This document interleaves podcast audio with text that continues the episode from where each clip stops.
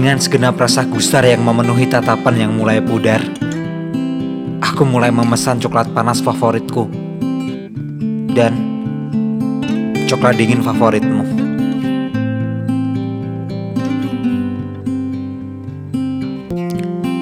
Di meja yang sering kita pakai untuk mendengarkan setiap keluh kesahmu, aku menunggu.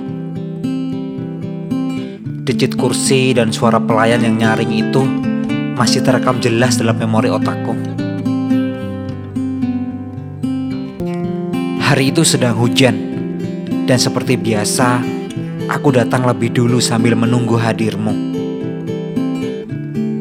Entah apa lagi yang akan kau ceritakan, mungkin tentang lelakimu, itu lagi dan lagi. Tenang, aku tak bosan mendengarmu saran dan nasihat terbaik selalu coba aku berikan.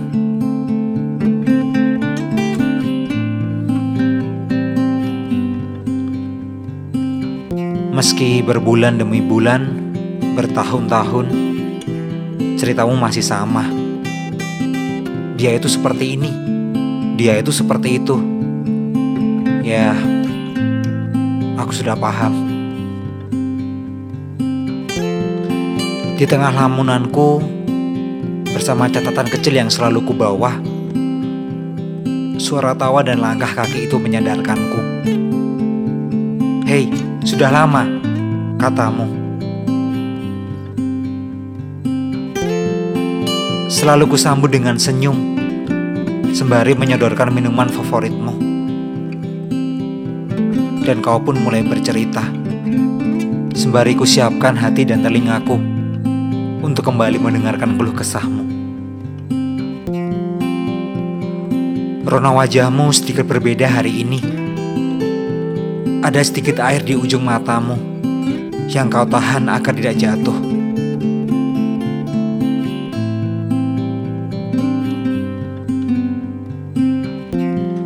Aku selalu bilang, ceritakan saja. Paling tidak, itu bisa membuatmu sedikit lega. Aku dilamar, katamu kepadaku.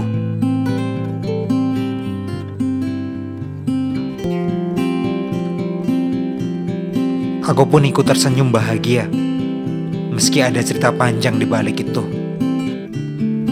Tapi setelah itu, air matamu mulai menetes.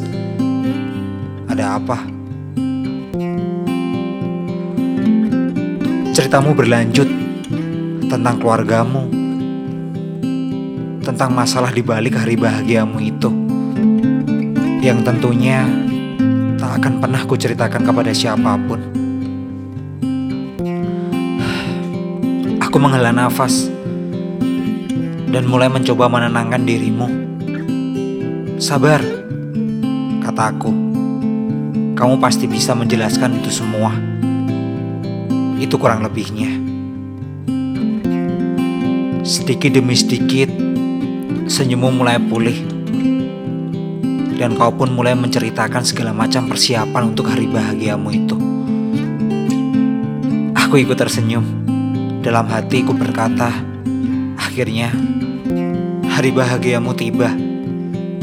Dan sepi pun kembali melanda kepada aku.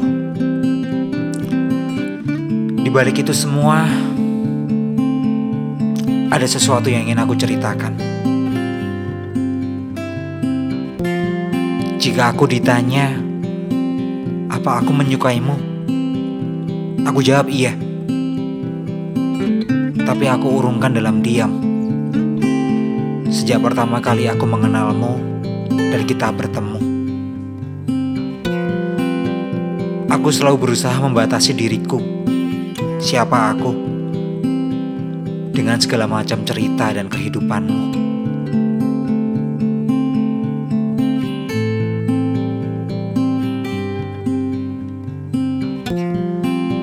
Setidaknya dengan menjadi teman bicaramu, aku bisa menenangkan gundahmu. Dan aku tak merasa kesepian. Setidaknya aku punya teman yang mau berbincang dan berbagi denganku. Yang aku sedihkan waktu itu bukanlah kepergianmu, tapi kembalinya diriku dalam ruang senyap yang disebut dengan sepi.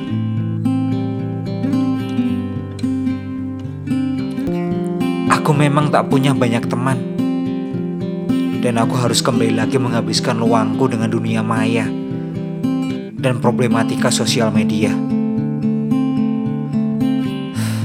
Itu membosankan. Tapi sudahlah, aku sudah lega.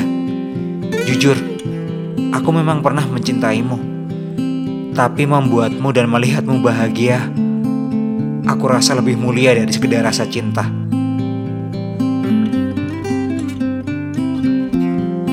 Maaf, di hari pernikahanmu yang tepat terjadi seminggu yang lalu, aku tak bisa hadir. Bukan tak mau, hanya aku sedang menyibukkan diri dengan berbagai macam cita-citaku. Yang jelas, aku ikut bahagia. Saat ini, aku coba selalu mengikuti kata-kata semangat darimu. Jangan pernah berhenti untuk berguna bagi semua orang. Aku yakin, benih yang kau tanam baik pasti akan dipertemukan dengan hasil yang baik pula. Katamu.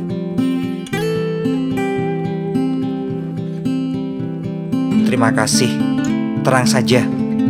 Aku tak akan berubah. Aku akan tetap semangat melanjutkan apa yang tersisa. Mau tak mau ku harus melanjutkan yang tersisa Meski semua telah berbeda dan tak